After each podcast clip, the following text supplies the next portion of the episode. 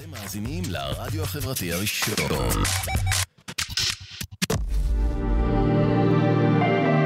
טוב, אז אה, שלום לכולם וברוכים הבאים לתוכנית של ספרות עם משמעות ברדיו החברתי הראשון. אני שני פרידמן ואני אהיה איתכם כאן בשעה הבאה. אה, אנחנו נדבר כמו תמיד על ספרות ועל משמעות, והיום יש לנו תוכנית ממש מיוחדת, אה, שבעצם... הופכת את כל מה שאנחנו מרגישים בבטן, כן, שזה טוב להקריא ספרים, ושזה בסדר, ושזה צריך בשביל שהם יהיו יותר חכמים וכולי, uh, היום אנחנו ממש ממש נדבר על, uh, על מחקרים, זאת אומרת, על דברים שממש הוכחו, uh, עם דוקטור נינה דר, שהיא רופאה וחוקרת מוח, והיא בעצם תספר לנו איך הספרים משפיעים על המוח של הילדים והילדות שלנו, והאם... כל ספר או כל צורת הקראה משפיעה אה, על הילדים והילדות שלנו ועל ההתפתחות הקוגניטיבית שלהם, שתכף נדבר בדיוק מה זה התפתחות קוגניטיבית, כי זאת מילה מאוד יפה. אה, אז אה, אני שני פרידמן, אני אימא של דר ופז, עובדת סוציאלית ומנהלת את המיזם של ספרות עם משמעות, אה, שבעצם מה שאנחנו עושים במיזם זה מנגישים תכנים טיפוליים וחינוכיים שחשובים להתפתחות של הילדים והילדות שלנו באמצעות ספרות ילדים. אה, זה... פשוט ומורכב כמו שזה נשמע, ואנחנו כאן בשביל להנגיש לכם את המידע, הורים ואנשי מקצוע, אה, בשביל באמת לעשות את זה בצורה הכי הכי טובה, הכי פשוטה, הכי נגישה. אה, ואנחנו כאן, אז אנחנו נתחיל ככה באמת את התוכנית שלנו היום. אה, אז ממש תכף אני אצרף אלינו כאן במסך את דוקטור נינה דר, שתצטרף אלינו בשיחת סקייפ בווידאו, בגלל שהיא כרגע חוקרת מוח בארצות הברית. טוב, אז נינה, יקרה, זה, זה באמת אה, קצת אה, מוזר לארח ככה באולפן אה, דרך הסקייפ, אבל אנחנו נתגבר על זה, כי התוכנית של היום הולכת להיות סופר סופר חשובה וסופר משמעותית, ומבחינתי זה באמת... זה באמת וואו, זאת אומרת, קודם כל שהכרתי אותך, פתאום הבנתי שכל... כל הדברים שבאים לי ככה מהבטן, את יודעת, כי אני כזה עובדת סוציאלית, אז הרוב, אה, אני אגלה לכם סוד, 99 אחוז זה כזה. מה שאנחנו מרגישים מהבטן, לרוב זה גם יוצא די בסדר. אה, אבל אה, ממש מעניין ככה לחבר את, ה, את הדברים שבאים לנו ככה בצורה אינטואיטיבית, או שגדלנו עליהם, שספרים זה בסדר, שזה טוב, לחבר אותם באמת לתיאוריה ולמחקר. אה, אז, אה, אז דוקטור נינה דר נמצאת איתנו כאן. אה, דוקטור נינה היא בעצם רופאה וחוקרת מוח, בזה היא מתעסקת היום. אז, אז נינה, אני אשמח ככה אם תספרי קצת על עצמך ונתחיל, ומה שלומך? אז בואו נתחיל. קודם כל, תודה רבה על האירוח, זה ממש תענוג גדול להיות פה וכבוד גדול. ושומעים אותי אפילו בלי delay ככה מהצד השני של העולם, הכל פיקס? אני, אני שומעת מעולה. אני מקווה שגם אתם אה, בבית שומעים טוב. מקווה, בינתיים יש הערות סבבה. אמ, כן, אז אני עכשיו פה, ואכן אה, למדתי רפואה ופסיכולוגיה וכל מיני מדעי המוח בארץ. אה, ועכשיו אני פה וקצת חוקרת ומחכה כבר לחזור הביתה אה, מאוד. אה, וכן, אני חייבת להגיד שכשראיתי את המיזם שאת מקימה פה ככה, נורא התרגשתי, כי זה, זה פשוט כל כך מדבר אליי וזה כל כך מעניין וזה, וזה מדהים מה שאת עושה שם, ש, שרצתי לקרוא על זה מאמרים בתחום ובאמת אמ, גיליתי דברים מאוד מעניינים שכיף נורא לחלוק. אני אגלה לכם גם סוד אה, שנינה היא גם אה, סופרת ילדים. אה, שעומדת להוציא ככה בקרוב את הספר הראשון שלה, הספר מדהים, הספר הראשון שמצטרף לספרות עם משמעות עוד לפני שהוא נולד. שזה, כן, שזה חתיכת דבר. הוא עכשיו בצירים, אז כאילו זה כבר על הגבול. אוטוטו, נכון. אז, אז דוקטור נינה דר, חוקרת מוח ורופאה, נמצאת איתנו כאן היום בשביל בעצם uh, לעזור לנו להבין מה יש בספרים שעוזר להתפתחות הקוגנטיבית של הילדים שלנו, uh, ואיך בעצם אנחנו יכולים להיעזר בכלי הזה בשביל לעזור לילדים שלנו. Uh, גם במצבים של עיכוב שפתי, גם כדי למנוע משהו כזה, גם בשביל לפתח אותם, אוקיי? את היכולות הקוגניטיביות שלהם. אה, אז נינה, קודם כל תספרי לי, מה זה יכולות קוגניטיביות? כן, אז תראי, באמת כשאנחנו אומרים ככה, אנחנו רובנו משתמשים במילה קוגניציה על ימין ועל שמאל, ו... וזה באמת תחום מאוד מאוד רחב, זאת אומרת, התחום כולו, הוא לא, לא נעסוק בו, לא, לא, זה ככה, אני, יש בו הרבה תתי תחומים, ובאמת, אה, אה, מה שכן, אני אני רוצה אה, כן לציין פה מה בעצם הכישורים הקוגניטיביים שנבדקו בהקשר של קריאה. זאת אומרת, בכל המאמרים שעברתי עליהם, יש ממש כמה כישורים ספציפיים שבודקים אותם, ובהם נעסוק היום. Mm-hmm. אז בעצם אה, מדובר חוץ שפה. כתיבה, אה, קריאה, דיבור, ממש אוצר מילים, mm-hmm. זה משהו שחוזר על עצמו בכל המחקרים, התפתחות שפה. אמ, קשב וזיכרון, זה נושאים שעולים בהרבה מאמרים. הבנת הנשמע ופירוש הנשמע, זאת אומרת, אה, שזה דברים שונים. זאת אומרת, אני יכול להבין מה שמעתי, אבל ילד אחד יפרש משהו אחד וילד אחר כאילו שמע משהו אחר לגמרי. אמ, שזה מעניין. כן, זה, mm-hmm. טוב, זה, את יודעת, זה למור הפסיכולוגית. זה, כן. זה לא אני. אמ, וביטוי עצמי מילולי, זאת אומרת, כמה הילד שלנו יכול לבטא את המחשבות mm. שלו, את הרצונות שלו, את התחושות שלו, עד כמה הוא יכול להשתמש במילים כדי להבהיר את עצמו, mm. אה, ודמיון, שזה מרכיב מאוד קוגניטיבי מאוד מאוד חשוב ומשמעותי. אה, למה? מה, מה יש בדמיון שהוא כל כך חשוב ל... את יודעת, לכישורים שלנו היומיומיים, מה, מה יש שם שאם בא לך ככה להרחיב על זה, כי זה מעניין. תראי, ה- היכולת שלנו לדמיין ו... זה, זה בעצם האופן שבו אנחנו רואים את העולם, הוא בין היתר אה, אה, מושפע מהדמיון שלנו ומ...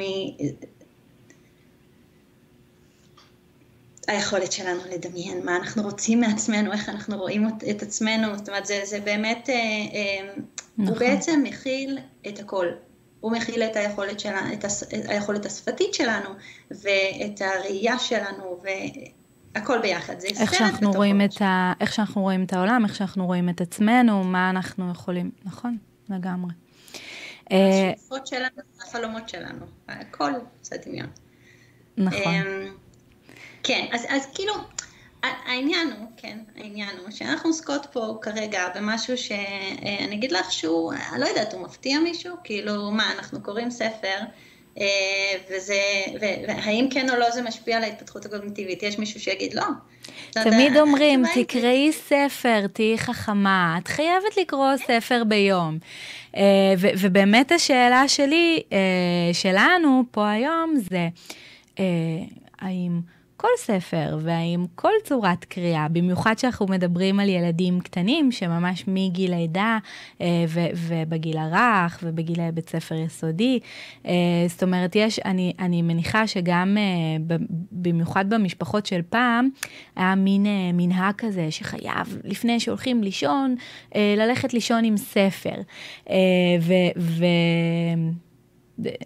זה באמת משהו שככה משפיע, או איך, או... אז אז בואו נראה. אז באמת כן. כאילו מה שנחמד, כן, אחת הסיבות שמצאתי את עצמי בבדע, במדע, זה כנראה ש... שאני מאוד אוהבת אינטואיציה, אבל כאילו, אני חייבת את הבדיקה. אני חייבת לבוא ולהבין האם זה באמת ככה, וזה היופי במדע, באמת, מגדירים את השאלות בצורה ברורה ומחפשים תשובה לעומק. וזה משהו מאוד נחמד. עכשיו, מה שעוד יותר נחמד בתהליך הזה, זה שאנחנו מגלים לפעמים הפתעות שלא ציפינו להן. כאילו, יש את השאלה שרצינו, ואז אנחנו באים ומגלים דברים הרבה מעבר. נכון. וזה קצת מה שקרה לי בקריאה גם, כי באמת, mm. שוב, אני גם קצת סקפטית, קצת צינית, אני אומרת, נו בסדר, ברור, אנחנו קוראים סיפור, רואים מילים, נדע יותר מילים. מה פה ההפתעה הגדולה? וזה גם משהו שאנחנו יכולים, אה, נכון? בטלוויזיה, ב... זהו. אז, אז אז בואי נתחיל שנייה באמת מלנסות להבין איך אנחנו בודקים במדע, בקוגניציה ספציפית. זאת אומרת, אנחנו רוצים mm. לבדוק האם קריאה תשפיע על, על התפתחות קוגניטיבית של ילד. איך אנחנו יודעים אם זה ישפיע על התפתחות קוגניטיבית של ילד? אז בעצם בתחום הזה יש uh, כמה דרכים לבדוק. Um, קודם כל מבדקים. מבדקים לילדים עצמם אפשר לבדוק האם הם יודעים לזהות מילים, קצב קריאה שלהם, הבנת הנקרא, זה ממש מבדקים כמו מבחנים בבית ספר, נותנים ציון, יודעים עד כמה הילד נגיד מפותח בתחום מסוים של, שוב, ספציפית, הבנת קריאה, קצב קריאה. Mm-hmm. אפשר באותה מידה להעביר שאלון להורים, עד כמה הם מתרשמים ש... הילד מבין, הילד אה, קורא, הילד מזהה מילים, יש הרבה הורים שבאופן אינטואיטיבי לחלוטין באים לרופא משפחה, לזה, ואומרים, תשמעו, אני מרגיש שהילד, לא, הקצב והתפתחות שפה שלו לא נראה לי. זאת אומרת, הורים זה מקור מאוד מאוד מהימן מהבחינה הזאת. הם מכירים את הילדים שלהם, אנחנו מכירות את הילדים שלנו. אמ, במיוחד בגילאים באמת... המוקדמים, שילדים לא תמיד יכולים להעיד על עצמם. או... נכון. Mm-hmm. נכון מאוד. אמ, עוד דרך לעשות מחקרים בתחום הזה זה תצפיות.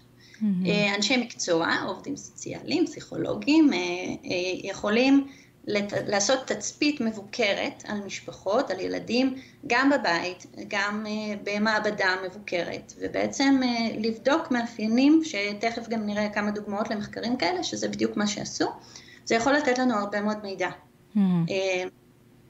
ובסופו של דבר, מה שהכי מרגש אותי זה אמ, הדמיה מוחית. כאילו דילגנו על הכל, מסתכלים ישר במוח. ממש. ישר קורה שם.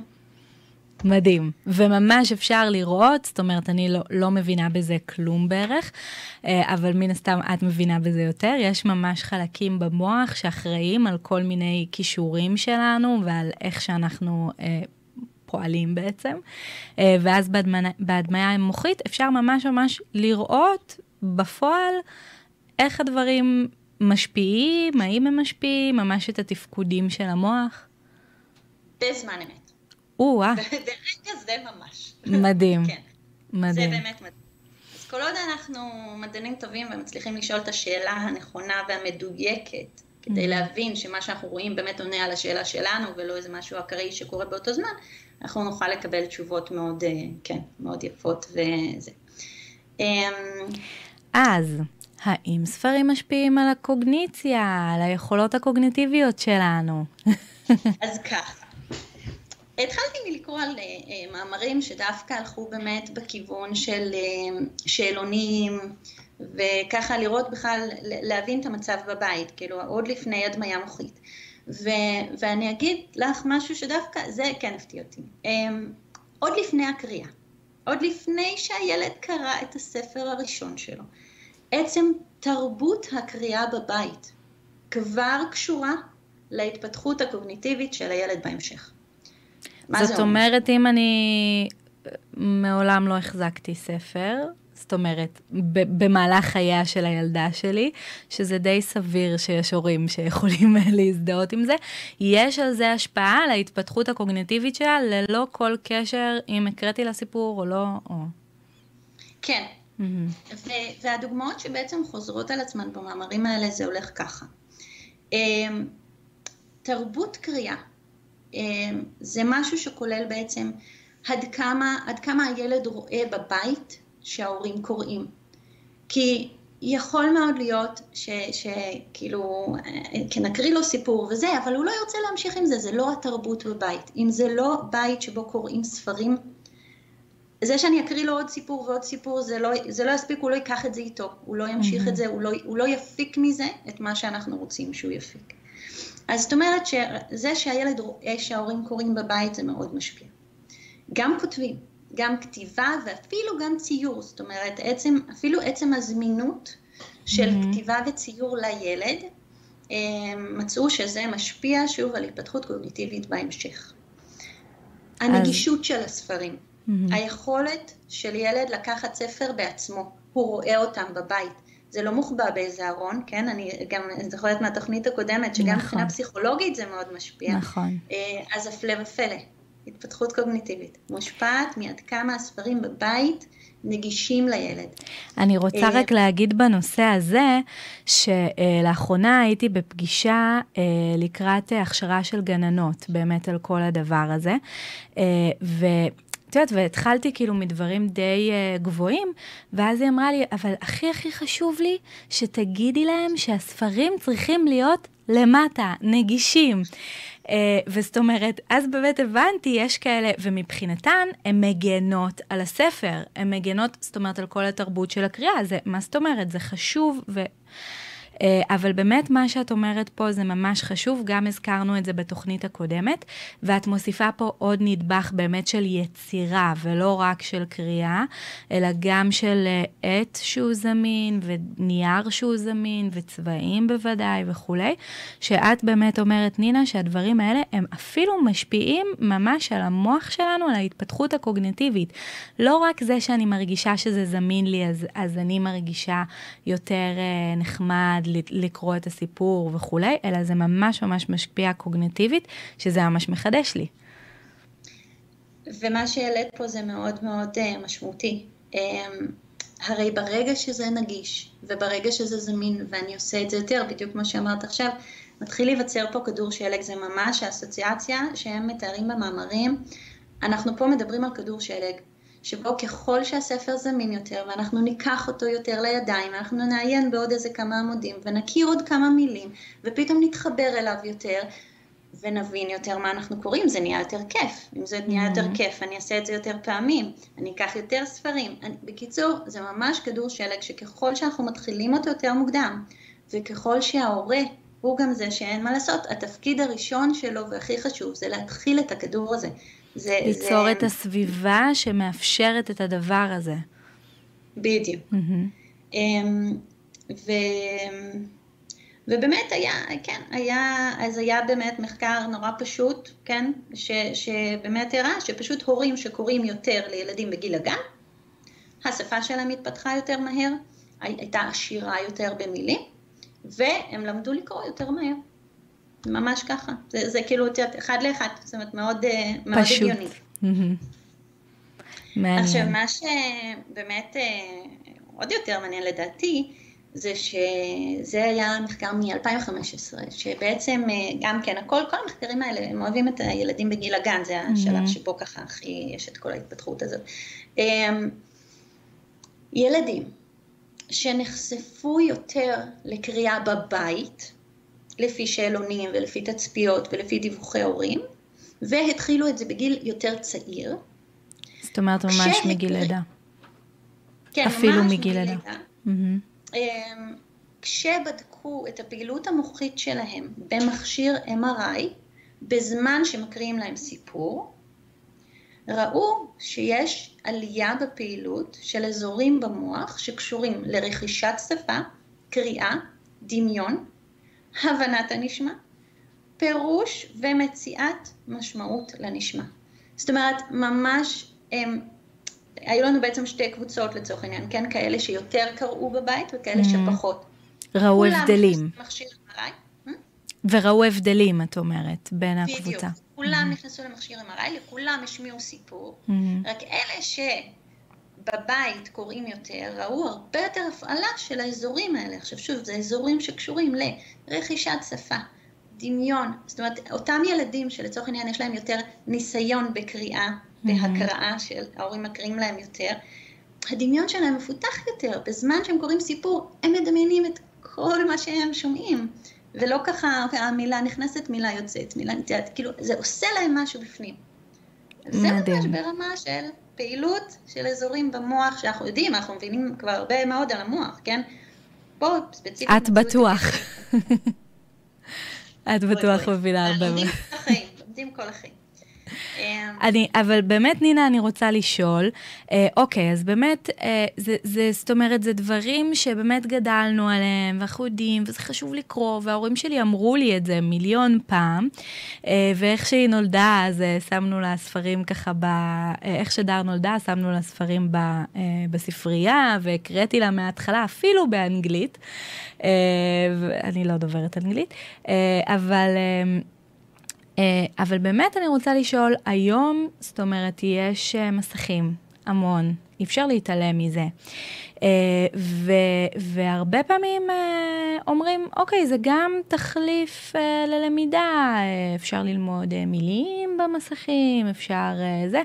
אז קודם כל אני אגיד, אני לא שוללת לגמרי מסכים, והילדה שלי רואה לפעמים, אבל באמת אני רוצה לשאול אותך, נינה, מה ההבדל ולמה ספר? למה זה כל כך חשוב? אז תראי, גם אני מאוד אוהבת טלוויזיה. אני אוהבת טלוויזיה, ואני אוהבת אייפד, ואני אוהבת... Mm-hmm. ואני אגיד לך גם שיש סדרות מפתחות מאוד, חכמות, עם תוכן מקסים. אני רואה את זה על הילדים שלי, במיוחד עכשיו עם הקורונה והסגר שאצלנו mm-hmm. ממשיך וממשיך, ושום גל שני, עוד גל ראשון לא סיימנו. אמ, לא יאומן. מאוד עוזרת הטלוויזיה, מאוד. אה, אבל כן, משהו כאילו אינטואיטיבית לכולנו נראה, אבל ספר כנראה יותר מפתח. למה? לא יודעת. אולי כן, אולי לא, כן, בשביל זה המדע. אז בדיוק גם זה נחקר ונבדק. תראי, באמת, הרעיון הוא שהרי גם בטלוויזיה, כשאנחנו צופים, אנחנו נחשפים למילים, ואנחנו נחשפים לסיפורים, וכאילו מה רע? אז לא רע. קודם כל, לא רע. מצוין. לא להגזים, אבל מצוין. אה, מה שנחמד בקריאה, זה ש... כנראה שיש עוד מרכיבים. יש עוד מרכיבים בקריאה, כנראה על אחת כמה וכמה עם ההורים, שזה מפתח יותר. אז בואי נראה, בואי נראה. אז היה מחקר. אז היה מחקר כבר בשנת 2009. במקרה. במקרה, היה מחקר בשנת 2009, שלקחו ככה, 15 ילדים, ולכל, אה, ו-15 אימהות, אה, וכל ילד קיבל שתי משימות. משימה אחת הייתה לצפות בסרטון של סיפור. עם תמונות, זאת אומרת זה סרטון, ממש מספרים לך את הסיפור, אבל קריין בסרטון, ועוברות התמונות של הסיפור. אמ, זאת הייתה משימה אחת. Mm-hmm. משימה אחרת, הילדים ישבו בחיק אימם וקראו סיפור בספר, דפדפו בעמודים, גם סיפור, מילים, תמונות, רק בחיק אימם עם ספר ביד. אה, במהלך הביצוע של המשימות האלה אה, נבדקו שני דברים. קודם כל אה, היה, זה לא MRI, זה נקרא EEG, לא חשוב, כאילו גם כן פעילות מוחית ואנחנו יודעים מאיזה אזור זה מגיע. Mm-hmm. זה נבדק על כל ילד בכל משימה. והייתה תצפית על האימא ועל הילד, על ההתנהגות שלהם, מה הם עשו במהלך הפעילות. זאת אומרת, גם עכשיו... בדקו את, ה, את התגובה המוחית של הילד, וגם בדקו את, ה, את צורת ההקראה של האימא ואת האינטראקציה בין האימא לילד. בדיוק. Mm-hmm. בדיוק. ומה שראו בעצם, זה ש... רגע, לפני מה שראו, לא סתם תצפתו, כן? בדקו התנהגויות ספציפיות. זאת אומרת, למשל, במהלך הקריאה עם האימא, עד כמה היא ניסתה אה, לעשות מאמץ לפיתוח שיחה סביב מה שהם קוראים, עד כמה היא ניסתה להחזיר את תשומת הלב של הילד לסיפור, כי אני לא יודעת איך אצלכם, אבל אצלי כשאני מקריאה סיפור פתאום ככה תשומת לב נודדת לעולמות mm. הרחוקים. אז אה, ככה יש צורך אה, להחזיר חזרה את תשומת הלב. ועד כמה היו בכלל איזה שהם הסברים או הערות לאורך קריאת הסיפור. מה שראו זה ממש חד משמעי, הקראת סיפור על ידי האימא, פלוס פעילויות מקרבות, העלתה את הפעילות באזורי מוח קדמיים של הילדים, שזה בעצם האזורים שבדיוק קשורים אצלנו לתהליכים קוגניטיביים, זיכרון, קשב וכישורי שפה. Mm-hmm. עכשיו, הייתה פעילות מסוימת באזורים האלה גם אצל הילדים שצפו בסרטון, אבל באופן משמעותי, מובהק סטטיסטית, כל הבדיקות המדעיות שצריך, זה פשוט היה גבוה יותר בקבוצת הילדים שבזמן המשימה של אה, לקרוא עם אימא. זאת אומרת... מדהים, מדהים. מה שנינה אומרת פה זה מדהים, וחבריי שלמדו עבודה סוציאלית ופסיכולוגיה, בבקשה, חוקרת מוח מעידה כאן שיש השפעה של הסביבה. ושל הדברים אה, שנראים לנו כאילו יותר קשורים לפן הרגשי, אה, להכלה ולאהבה ולקרבה אה, ולקשר ול, ובאמת לפעולות המקרבות, כמו שאת אומרת, יש השפעה ממש על הפעילות המוחית באזור הקדמי שאחראי על הכישורים המאוד מאוד מאוד חשובים האלה. מדהים. ממש. מדהים, ואני כן. רואה פה גם אה, שאלה, שאני ברשותך אקריא. אה, כן. האם חקר המוח בודק גם את ההתפתחות וההשפעה הרגשית של ילד הנחשף לספר, מעבר להתפתחות הלמידה לגווניה? Mm-hmm. אז תשמעי, בואי נחזור לתחילת התוכנית. אינטואיטיבית? בוודאי. כאילו, חייב להיות נכון. עכשיו, mm-hmm. יותר, זו שאלה ממש חשובה ומאוד מעניינת, ואני חושבת שחלקית גם דיברתם על זה בתוכנית הקודמת, שני, נכון? שדיברתם נכון, עם מור, בעצם נכון. זאת הייתה תוכנית יותר סביבה. נכון, ההשפעה הרגשית, נכון. ואני בטוחה, זה, זה כמעט הרמה להנחתה ככה למאמר mm. הבא שאני אכתוב אולי אה, לאתר, כי זה, זה דורש טיפה לחפור במאמרים ולחפש באמת mm. uh, מה בדקו, ואם בדקו באמת את הפעילויות המוחיות, כי גם, גם אזורים שקשורים להתפתחות רגשית, אנחנו יודעים איפה הם. ואני בטוחה שנעשו מחקרים כאלה, ובהחלט אני, אני מוכנה להרים את הכתפה ולבדוק.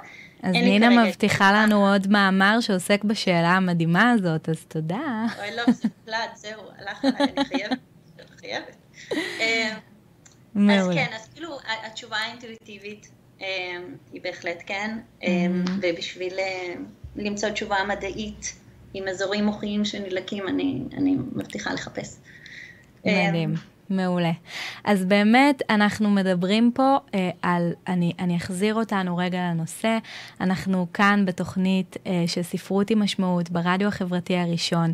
אני מארחת כאן, אני שני פרידמן, אני מארחת כאן את דוקטור נינה דהר, רופאה וחוקרת מוח.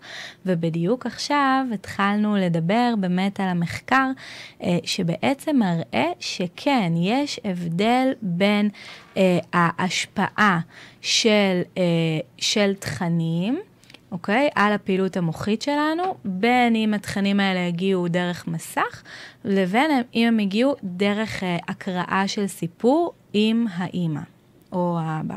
Uh, במחקר הזה בדקו את האימא. או הסבתא אבל... או הסבא, כן. או מי שרק mm-hmm. רוצה להרים את הספר. מדהים.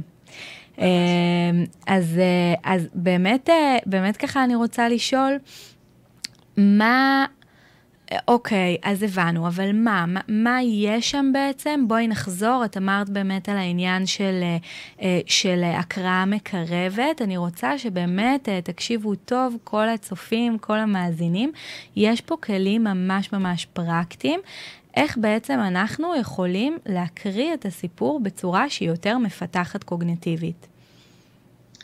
כן, אז, אז באמת המחקר הזה שהשווה בין הילדים שצפו בסרטון לאותם ילדים שאחר כך קראו עם אימא, אה, המאפיינים של ההתנהגות של אימא שהשפיעו יותר על אה, פעילות מוחית באזורים שקשורים לקוגניציה, היו פיתוח שיחה סביב הסיפור, החזרת תשומת הלב של הילד לסיפור, בעדינות כמובן, אה, והסברים והערות תוך כדי ההקראה. עכשיו, זה נבדק ונבחן ונמצא בעוד מספר מחקרים שככה, הם קוראים לזה אה, קריאה משותפת איכותית. בניגוד לרק קריאת סיפור, mm-hmm. אז פה אנחנו מדברים על קריאה משותפת איכותית, שהיא זאת שנמצאה שתורמת להתפתחות קוגניטיבית. וזה כולל בנוסף לפיתוח שיחה, החזרת תשומת לב והסברים, תמיכה רגשית במהלך הסיפור. זה מאוד הפתיע אותי. כי שוב, הנה בהתאם גם לשאלה פה של מירי, בעצם הייתי מצפה שתמיכה רגשית במהלך הסיפור תתרום להתפתחות לרגש. רגשית של הילד. נכון. כן. אז זה תומך להתפתחות קוגניטיבית. מדהים. זאת אומרת, אנחנו עכשיו קוראים על ילד, אה, על אה, כלבלב עצוב. אם אני מספקת כאימא לילד את התמיכה הרגשית שלו, שהוא צריך כרגע בהקשר של העצב למשל, או של כל רגע שניתקל בו, אני, אני, אני מעודדת יותר מאשר את ההתפתחות הרגשית שלו, אלא גם את ההתפתחות הקוגניטיבית, ששוב, זה האמת מאוד הגיוני, כי זה עוד פעם הבנה של סיטואציה. פירוש של מה שאני קורא עכשיו, של איך הילד מרגיש, איך הילד, מה הילד קורא לו בכלל. תיווך, ממש תיווך. נכון. בדיוק. Uh, בנוסף, עוד אנחנו במאפיינים של קריאה mm-hmm. משותפת איכותית, אז יש לנו uh, מאפיין שנקרא מרחב חופשי, חופשי. זאת אומרת, אנחנו צריכים לאפשר לילד גם לבטא את עצמו. אין פה כוונה להרצאה. Mm-hmm. קריאה משותפת זה לא הרצאה. אנחנו צריכים לתת לו את המרחב לבטא את עצמו, אמ, ושוב, זה גם תורם לקוגניציה שלו ממש, להבנה, להבנה שלו את עצמו, וגם בכלל, כאילו שוב, הגיוני מאוד האמת, אנחנו נותנים לו את האפשרות להגיד, תגיד מה קראת, תגיד מה הבנת, נכון? וזה אמ, אוטומטית משפיע על המקומות האלה במוח. המוח הוא כמו כל שריר, אנחנו רק צריכים לתרגל אותו. והנה התרגול. המוח זה לא שריר, כן? רק ש... אבל... כמו, כדוגמה. כמו. אני הייתי מאמינה לך שזה שריר, כן, אבל... זה לא שריר. תודה על הדיוק. סליחה, לא שריר, זה מטאפורה. אמ, אוקיי, עכשיו, יש לנו גם את העניין של שפת גוף והבעות פנים. אוקיי? זה משהו שאנחנו בטח לא יכולים לקבל מטלוויזיה, זאת אומרת שאני יושבת עם הילד ואנחנו אה, קוראים עכשיו על, אה, על ילד עצוב שמתגעגע לסבתא. Mm-hmm. אה, טלוויזיה לא, לא תעניק לו את החיבוק. אה, אני כן. וממש הם, הם אפילו מתארים את זה כלא להקריא כמו רובוט. להיות עם, אה, עם הבעת רגש בעצמך, אינטונציה, תנועות גוף, הבעות פנים. זה הכל תורם להתפתחות המוח. אמ, והכי חשוב, וזה קצת מפתיע, והכי חשוב, הילד חייב ליהנות. שוב, זה לא יכול להיות הרצאה, זה לא יכול להיות בכאילו מין שב ותקרא עכשיו עשרה עמודים, זה חייב להיות בהנאה, זה, ו- ואני לא, לא, לא כמטיפה, מחקרים, mm-hmm. זה באמת הראו ילדים שנהנו מקריאת, מקריאת הספרים עם ההורים, הייתה פעילות מוחית מסוימת באזורים הקוגניטיביים וזה. ילדים שלא נהנו, כאילו לא קרה. הם העבירו את זה, נכנס באוזן אחת, יצא משנייה, לא קרה כלום. מדהים. כך ש... זה פשוט מדהים, כי התוכנית הזאת היא פשוט מתכתבת בוואטסאפ, במייל, מה שלא תרצו, עם התוכנית הקודמת שלנו, שבעצם עסקה באמת בהשפעה של ספרים על ההתפתחות הרגשית של הילדים שלנו, ופה נינה, דוקטור נינה דר, נותנת לנו את כל האסמכתאות ואומרת לנו, חברים, אני חוקרת מוח. זה גם משפיע על המוח. זאת אומרת, ההתפתחות הקוגניטיבית של הילדים שלנו תלויה באיך שאנחנו נתווך להם את הסיטואציה, אה, באינטונציה שלנו, בשפת הגוף שלנו, ובעיקר בזה שנעשה את זה כיף, שזה פשוט מדהים. לי זה מחדש המון. אה, ובאמת אנחנו ככה תכף לקראת סיום, אה, אבל נינה, אני רציתי באמת לדבר על הנושא הזה של עיכוב שפתי. Uh, היה שם איזשהו מחקר, נכון, שממש נותן כלים איך אנחנו יכולים בבית uh, לעזור לדבר הזה. כן, אז בעצם זה, זה תחום שבאמת uh, ההשפעה של קריאה להתפתחות קוגניטיבית זה תחום ש, שמאוד מאוד מנסים להשתמש בו את, uh, אצל ילדים עם עיכובים. הסיבה העיקרית לזה זה שילדים שיש להם איזשהו עיכוב התפתחותי, למשל בהתפתחות שפה, אי אפשר להושיב אותם בכיתה של 20 ילדים עם קלינאי תקשורת והיא תלמד אותם. Mm-hmm. זה לא עובד, זה כאילו הפואנטה, זה ילדים עם עיכוב שצריכים אקסטרה עזרה. זאת אומרת שהם צריכים יחס של אחד לאחד. ויחס של אחד לאחד עם קלינאי תקשורת, אפשר עוד חודשיים יהיה פגישה. כאילו נכון, זה לא פרקטי. לא תמיד זמין, נכון. נכון, אבל מי זמין? אנחנו. וסבתא, בדיוק. נכון, כולנו, והספרים. שם. אז אם רק נדע לעשות את זה בצורה מקצועית, אפשר לעזור לילדים עם עיכוב התפתחותי שפתי, במקרה הזה של המאמר הזה, אמ, להתגבר על האתגר הזה שלהם. אז איך? ו... בואי ככה נצלול באמת ש... לתוך הכלים הפרקטיים, איך אנחנו עושים את זה? אז האופן שבו אה, בדקו במחקר הזה, בעצם פיתחו שיטה mm-hmm. שנקראת שיטה של קריאה בדיאלוג, ולימדו את ההורים את השיטה הזאת, ובעצם באמת ראו שילדים עם עיכוב שפתי, שההורים השתמשו בשיטה הזאת, הצליחו להתגבר על העיכוב השפתי הזה ובעצם רכשו את אוצר המילים ועוד כל מיני מאפיינים שבדקו שם במחקר, יותר טוב מילדים בקבוצות אחרות שעשו איתם פעילויות אחרות. Mm-hmm. ומה זה אומר השיטה הזאת של קריאה בדיאלוג? בעצם המטרה שלה זה להפוך את הילד בהדרגתיות לאורך קריאת הסיפור למספר אקטיבי של הסיפור. זאת אומרת, אנחנו ממש מעניקים לו כלים אה, לאורך הקריאה, להפוך מפסיבי, אני יושב ושומע, לאקטיבי, אני יותר מדבר ויותר משתמש במילים כדי להביע את מה שהבנתי, את מה שקראנו. ומה שצריך לעשות זה ככה, לשאול שאלות של מה. אנחנו קוראים סיפור, ואני אשאל, אוי, תראה, מה הדמות ראתה פה? Mm. מה, מה היא עשתה? ומה הוא, מה הוא רצה פה? ולמה הוא עשה, או לא למה, שנייה, קודם מה? Mm-hmm. קודם מה? מה ראינו, מה עשינו, מה, מה, מה הדמות בחרה לעשות. לחזור על מה שהילד אומר. הוא ענה איזושהי תשובה? כן, הכלבלב רצה לקפוץ. ככה, mm-hmm. אוקיי? לד... לחזק. להמשיך את השיחה. לתת חיזוקים חיוביים. Mm-hmm. כל הכבוד, הבנת נכון, איזה יופי, כל הכבוד. כזה, אה, ואז להמשיך ולשאול כמה שיותר שאלות פתוחות. זאת אומרת, כן להרחיב את זה משאלות של מה, גם למה. עכשיו זה ככה, זה כבר קצת יותר קשה, למה. Mm-hmm. כן, זה כבר, אנחנו מדברים על הבנה, לא רק פתוחה. על מה ראית, אלא ממש על הבנה, אבל זה כמובן בהתאם לילד, בהתאם לגיל, mm-hmm. לעשות את זה הדרגתי. ובעצם לנסות להרחיב את מה שהילד אומר לשיחה יותר מורכבת. שוב, הכל בגבולות ההנאה, כן? לא להפוך את זה להרצאה, ו- וחלק חשוב מאוד uh, בקטע הזה של ההנאה זה גם בעצם לבחור לדבר על מה שמעניין את הילד. זאת אומרת, אם אני קוראת עכשיו סיפור על, uh, לא יודעת מה, דינוזאורים שפגשו uh, כלבלבים והילד מת על דינוזאורים, אני אדבר איתו על הדינוזאורים, בסדר? Mm-hmm. כאילו, לבחור את מה שבאמת, גם, גם זה נורא קל, כי הילד בעצמו הרי מראה לנו מה אתה מעניין. נכון. אמ, כן, מדהים. במחקר הזה mm-hmm. ממש ראו שהייתה אמ, היה, הייתה התגברות על העיכוב השפתי וראו באופן ספציפי שהילדים התחילו יותר להשתמש בשאלות של מה ומי בעצמם. זאת אומרת, כשאני קוראת איתם את הסיפור, אני שואלת אותם שאלות מה ומי, אז הם לומדים להשתמש בשאלות האלה. עלייה ביכולות חיקוי, שזה mm-hmm. האופן שהילדים בגיל הזה, גילאי יגן, 2, 3, 4, זה ככה הם לומדים. ככה הם רוכשים את ה... עושים אותו דבר. Mm-hmm.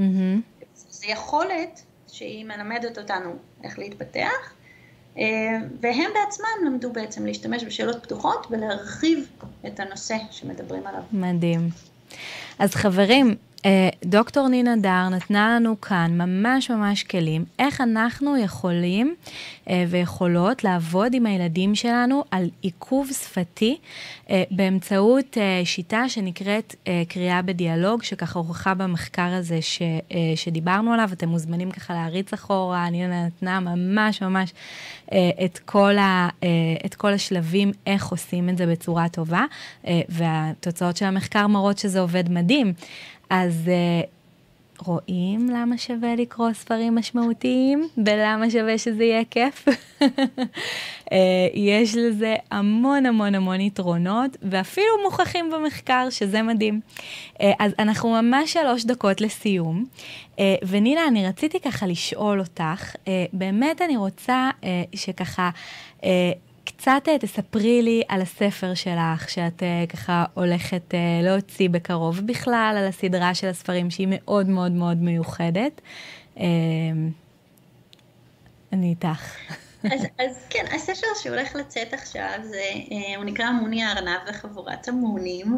Um, הספר הזה מספר על ארנב שמגיע לגן חדש, והוא רוצה להקים חבורה. אה, וזה ככה קצת אה, בהתחלה מאתגר, ולא בדיוק משתפים פעולה, ואז אחר כך כן משתפים פעולה, ואז נתקלים ככה באיזו סיטואציה שפתאום מישהי רוצה להצטרף לחבורה, ולא מיד מצרפים אותה, וככה, טוב, אני לא אחשוף את כל הסיפור, אני אשאיר קצת לא נעשה אה, ספוילרים. אבל יש תהליך שלם בעצם של למידה, של מהי חברות. וקבלת האחר, ואיך הסוף טוב, בסדר? הסוף טוב, כולם חברים וכולם אוהבים, וזה אחת הפואנטות, כן? Mm-hmm. כאילו, זה, זה הרבה מאוד חיוב שמה.